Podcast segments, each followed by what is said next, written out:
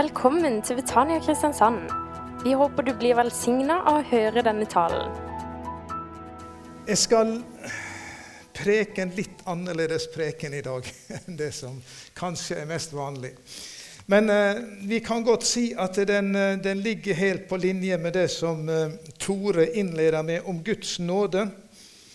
Og den, den nåden som vi har tatt imot gjennom troen på Jesus, den er jo en virksom kraft i vårt liv.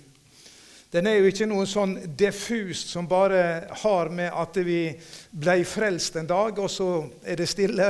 Men Guds nåde virker i våre liv. Og Det står jo her i Titus brev Jeg kan lese det for å ta innledning til det som jeg, jeg skal si litt om. da. Det står her i Titus brev i det andre kapittel, vers 11.: For Guds nåde er åpenbart til frelse for alle mennesker.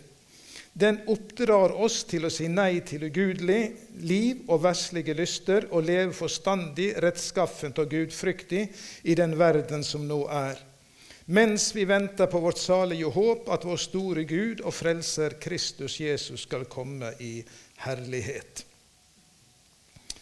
Så Guds nåde den er altså virksom i våre liv til å leve forstandig, rettskaffent, gudfryktig i den verden som nå er. Er det passelig lyd? Høres litt mye ut for meg, men det, det er dere som skal høre.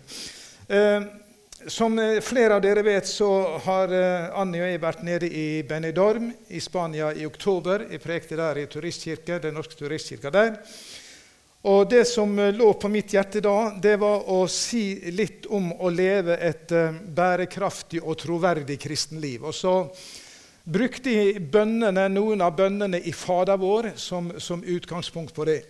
Og så er det ei, spesielt ei av disse bønnene som har eh, malt i mitt indre eh, siden den gangen. Og det er den bønnen som kanskje vi vil si, vi som er her, vil jeg tro, at det er jo den minst nødvendige bønnen å be i Fader vår. Og den lyder da, som dere sikkert har gjetta, slik Gi oss i dag vårt daglige brød. Og jeg tror jo det at eh, hvis vi går tilbake til krigens dager, så var det en god del nordmenn som ba om det daglige brød. Og kanskje i de første åra etter krigen òg. Men så er det jo slik, og vi hørte jo, vi som var her på fredag, på den kvelden der, så var jo Henning framme og sa litt om Blå Kors-arbeidet. Og alle de som de treffer, som, som, virkelig har nød, og som trenger hjelp. Og så har vi jo mange andre. Frelsesarmeen forteller det er masse folk i denne byen, i andre byer, som har for lite. Eh, og det er Kirkens Bymisjon osv. Så sånn, som forteller der er nød også i, i Norge. Men den andre virkeligheten, eller den, den, største virkeligheten, hvis vi kan si det slik, den er faktisk Og nå er det jo snart jul, og så leste jeg i Fevennen i går at det norske folk det bruker ca. 97 milliarder kroner på julefeiring. 97 milliarder kroner. Og det regner med at ca. 11 100 per person sto i Feven på jula. Og imens det så er det altså mange som lider, som ikke har det de trenger.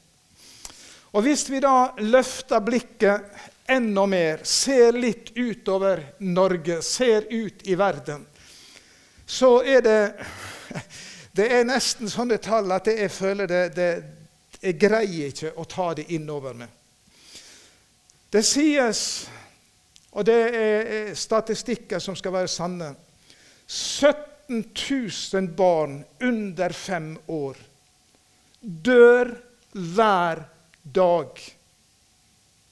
i verden på grunn av sult. 17 000 mennesker.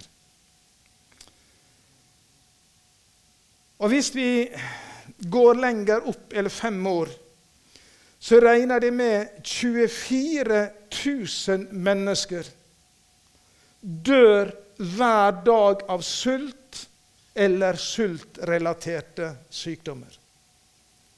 Hvis du ganger det med syv dager i uka, så kommer det til 168 000 mennesker dør hver uke. Det er langt mer enn innbyggere i den nye Stor-Kristiansand kommune. Hver uke dør de av sult eller sultrelaterte sykdommer. Det er 800 millioner som er kronisk underernært. Og 10% av verdens befolkning eier 90% av verdens ressurser. Det er bildet som er i verden. Og så er vi i Norge så er vi så heldige. Det snakkes om å vinne lottogevinster hver dag.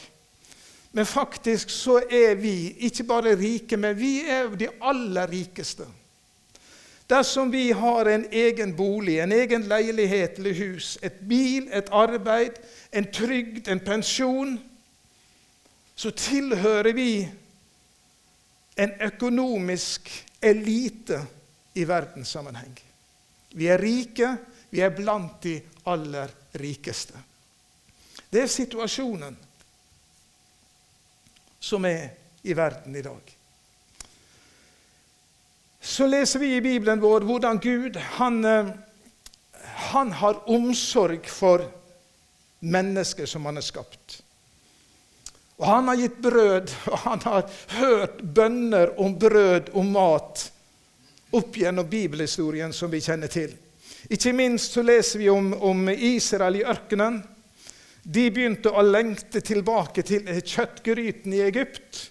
Og så vet vi at Gud han lot det eh, regne manna fra himmelen.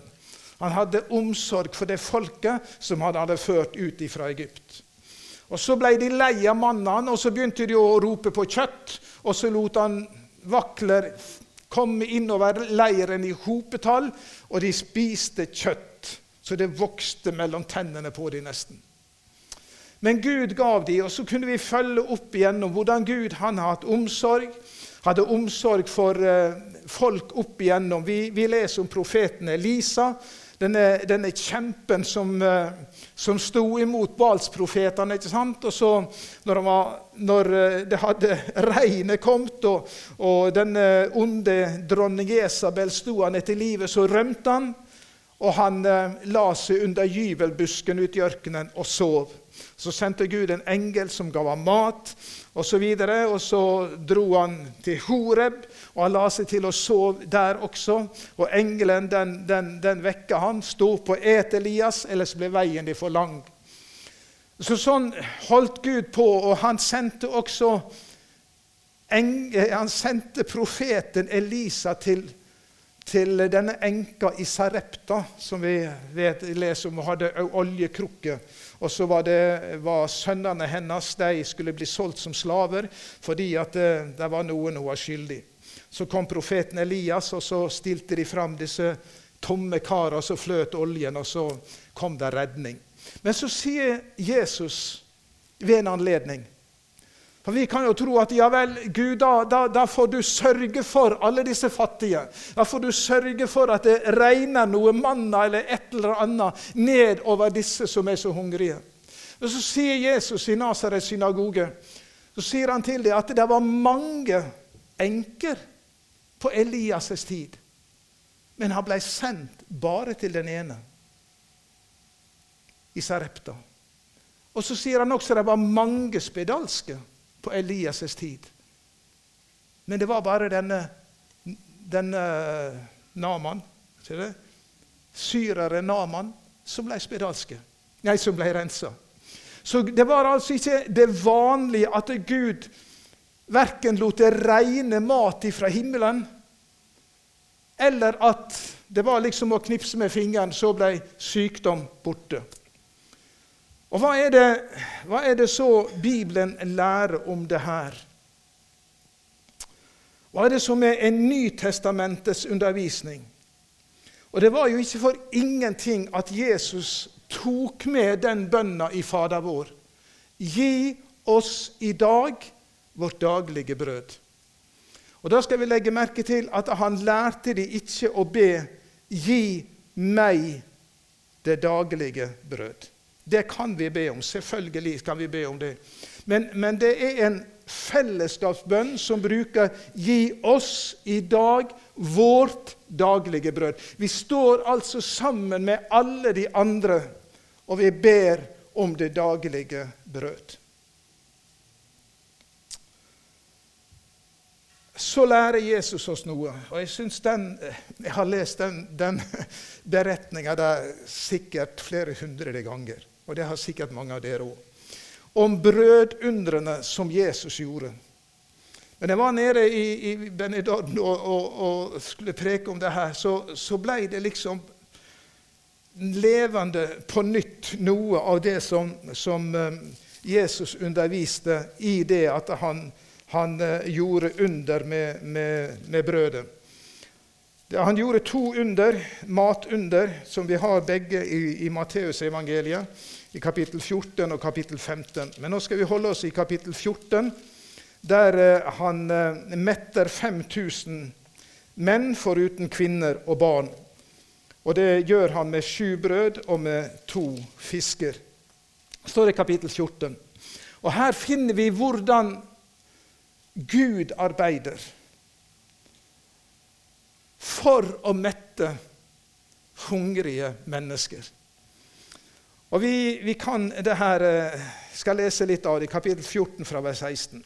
Da det ble kveld, kom disiplene til ham og sa:" Stedet er øde, og det er alt blitt sendt. Send folket fra deg, så de kan dra inn til landsbyene og kjøpe seg mat. Altså her, her har disiplene de har et svar på de som er hungrige, de som trenger mat. Og De sier til Jesus, 'Send de fra det. Send de et annet sted, så kan de få mat.' Og det kunne de kanskje, men allikevel så sier Jesus, 'De trenger ikke gå herifra', sa Jesus. 'Dere skal gi dem mat.' Dere skal gi dem mat. Altså Her er disiplene, og så har jo de svaret på det som Jesus befaler. Og så sier de, 'Men vi har bare fem brød og to fisker'.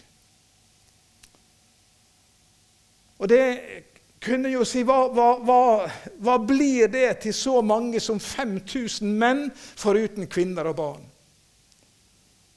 To fisker og sju brød. Hva er det til så mange?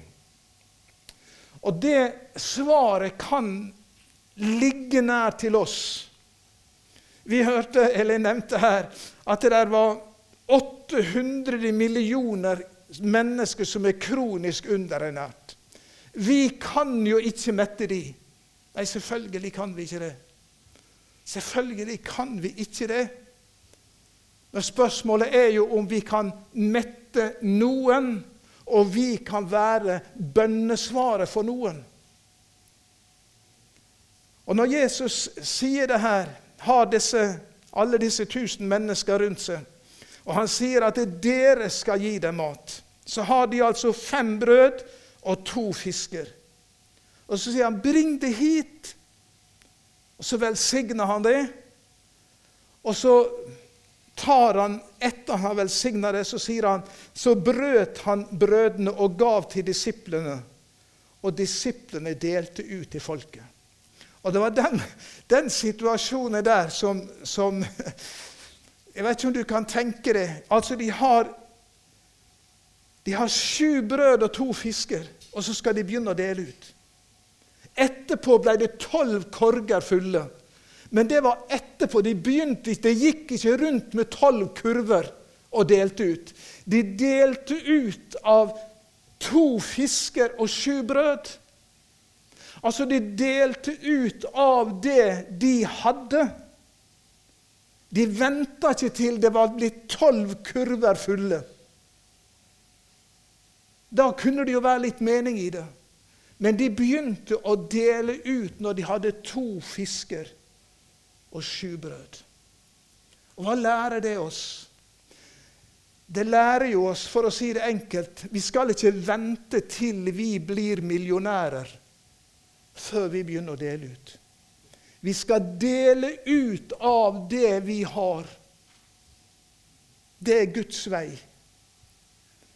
Og når mange gjør det, så kan det bli til mat for mange mennesker.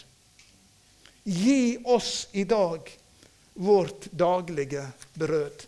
Det var det svaret, eller var den bønnen som Jesus lærte oss. Og så viste han her hvordan han kunne gjøre det. Og så velsigna han det som de hadde og begynte å dele ut av. Så fikk de, hadde de så mye mer etterpå. Altså, Gud venter ikke til Eller mener ikke at vi skal vente til vi har Vi har jo overflod. Men vi skal, og vi skal gi og dele ut av det vi har. Og så står der altså alle disse Prøv, prøv å tenke det bildet. Der står altså millioner som ikke vet hva de skal fylle magen med. Så er det tusener av barn som lir og som dør hver dag fordi de ikke har mat. Er det noe av mitt ansvar? Nei, det er deres ansvar som steller til krig det er, alle, det er krigen som, som, eh, som, er årsak til det. Ja, det, det, er sant. Det er diktatur, det er urettferdighet og alt det der. Men det kan jo ikke vi gjøre all verden med. Men vi kan være med og stille hungeren til noen som ber gi oss i dag vårt daglige brød.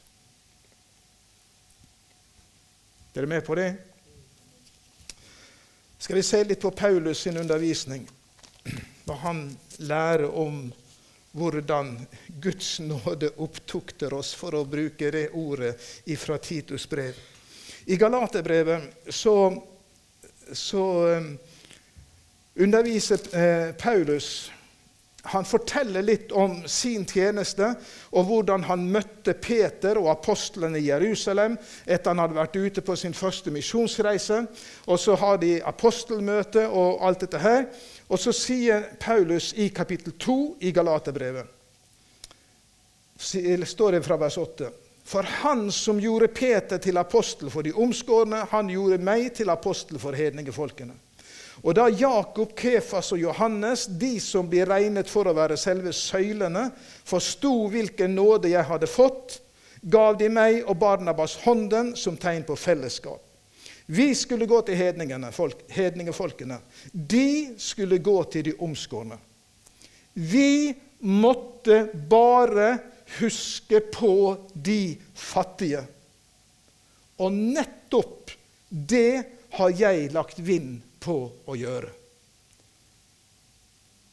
Det var i misjonsoppdraget til Paulus. Han la vind på å hjelpe de fattige. Og Går vi til Korintiabrevet, andre Korintiabrev, så ser vi hvordan han gjorde det. Han eh, skriver til menigheten i Korint, og i kapittel 8 eh, så sier han det slik han forteller om den nåde Gud har vist til menigheten i Makedonia. Så Der ser vi det igjen at nåden den gjør noe med oss. For i sin nød ble de hardt prøvet, vers 2. Men deres overstrømmende glede, dype fattigdom, har gjort dem rike og villige til å gi, selv om de var fattige. De gav efter evne, ja, over evne og frivillig. Det kan jeg bevitne. De ba inntrengende om å få bli med i gaven og tjene de hellige sammen med oss. Det var altså en gave til de fattige i Judea. Det det dreide seg om. Og I kapittel 9 så står det noe som vi skal legge på vårt hjerte, hvordan Paulus underviser om det her. Det står slik ifra kapittel 9 og vers 11. Dere skal ha rikelig av alt, så dere gjerne vil gi. Og så skal takken stige opp til Gud vår, når, vår, når, vi overbringer gaven. For denne tjenesten og Hør nå. Denne gudstjenesten er ikke bare en hjelp for de hellige deres nød, men den skaper også overflod av takk til Gud. Gudstjeneste er ikke en og en halv time på søndag. Det forstår vi jo alle. Det vet vi jo. Men når du og jeg, eller når vi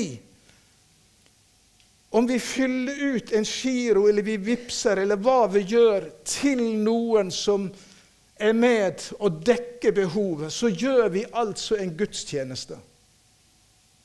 Ikke bare å komme til, til, et forsamlingshus en halvannen time en søndag, som er gudstjeneste. Men det å gi er en gudstjeneste, sier Paulus her.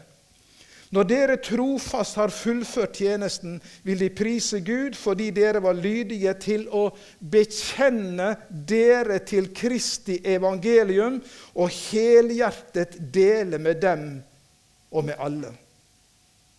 Så du ser at det, det å være med å lindre denne nøden, være med å være et bønnesvar for alle de som ber 'Gi oss i dag vårt daglige brød', det er å bekjenne seg til Kristi evangelium,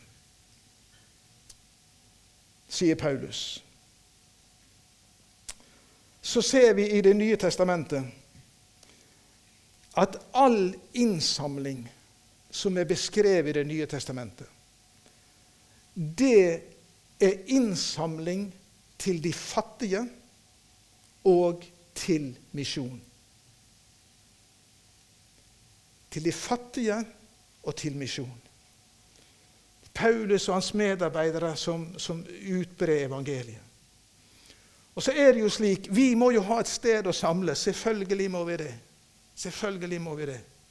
Men den absolutt største delen av det som samles inn i de norske menighetene, det går ikke til de fattige og til misjon.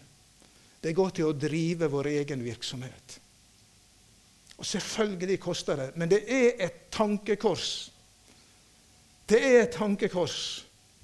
Hvor plasserer vi det meste? Og Det er nødvendig å stille seg det spørsmålet. Så er Bibelen, Det nye testamentet, et formaning til oss til å bli en giver, bli et bønnesvar for de tusener som sulter, for de tusener som roper etter mat.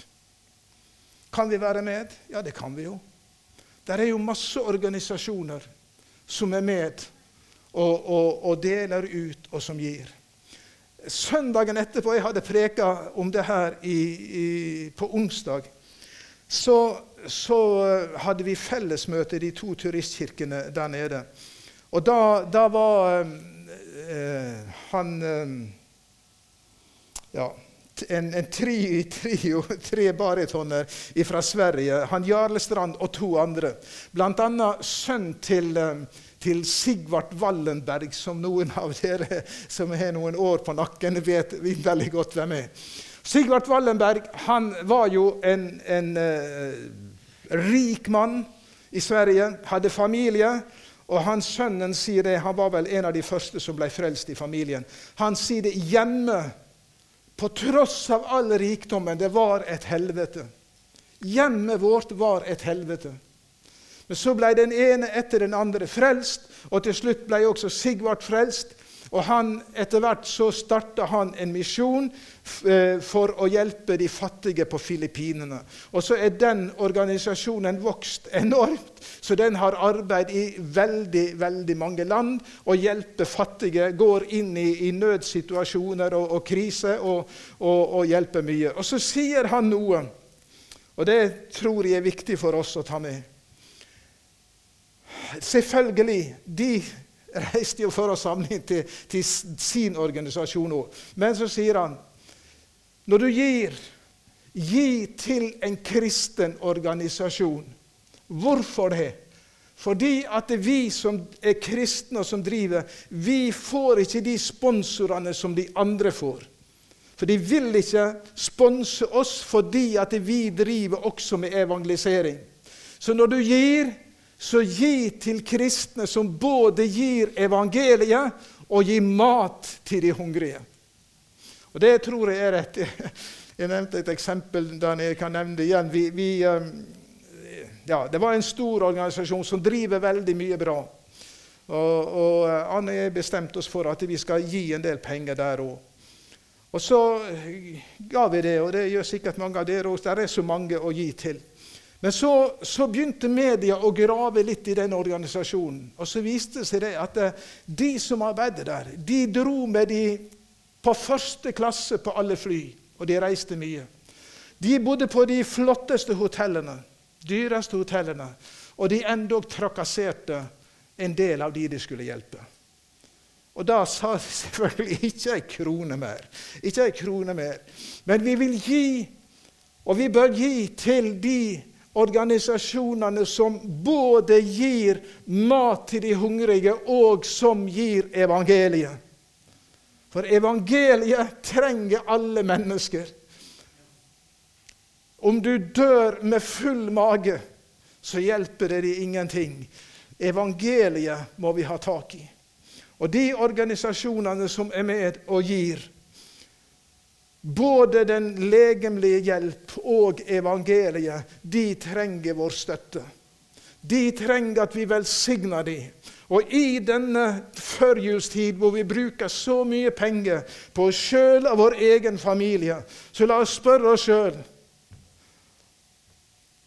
Som jeg har sagt er det rett, det vi gjør? Jeg sier ikke det for at vi skal skape dårlig samvittighet, men kanskje noen ganger så trenger vi å samvittigheten vår våkne opp litt. Har vi et ansvar? For det de skarer også av kristne mennesker som ber Gi oss i dag vårt daglige brød. Som går på søppelhaugene i Manila, som går rundt omkring og, og spiser nesten av søppeldunkene. Har vi et ansvar, vi som lever som har vunnet alle lottogevinstene med all vår velstand. Guds nåde oppdrar oss til å leve rett og godt og vise omsorg for de andre. Så vet vi selvfølgelig Når Jesus ble frista i ørkenen, så kommer djevelen og sier, når han var hungrig, si til steinene de skal bli til brød. Så svarer Jesus mennesket lever ikke av brød alene, men av hvert ord som går ut av min munn. Evangeliet trenger alle. Evangeliet trenger alle. Derfor går dette sammen. Bringe evangeliet, ta, så folk kan ta imot evangeliet. Så den dagen vi skal flytte herifra, så hjelper ikke Fulle kjøleskap, fulle frysebokser. All vår velstand ingenting. Vi får ingenting med oss. Men når vi har spist av det brødet som går ut av Guds munn, evangeliet, så har vi et håp. Så har vi et levende, sikkert håp. Vi vet hvor vi går hen. Vi har fått evangeliet. Evangeliets brød har metta oss. Vi er tatt imot det, vi har spist av det og vi tilhører Herren. Så går det hånd i hånd. Feed the Hungry var det en organisasjon som het for en tid siden, som vi her i Betania tror jeg støtta en person med, som jobber der. Så er vi også kalt til å være et bønnesvar for noen som ber om det daglige brød. Hjelp oss, Herre, så vi er gode forvaltere over din mangehånde nåde. Og det er din nåde at vi har det så godt. Det er din nåde at vi kan spise oss mette hver dag. Vi har gode hus å bo i. Vi har alt hva vi trenger av klær. Fulle klesskap. Fulle frysebokser eller kjøleskap. Herre, hjelp oss til å forvalte. Jeg ber om det. Jeg ber om det, Herre. Så vi en dag kanskje kan få høre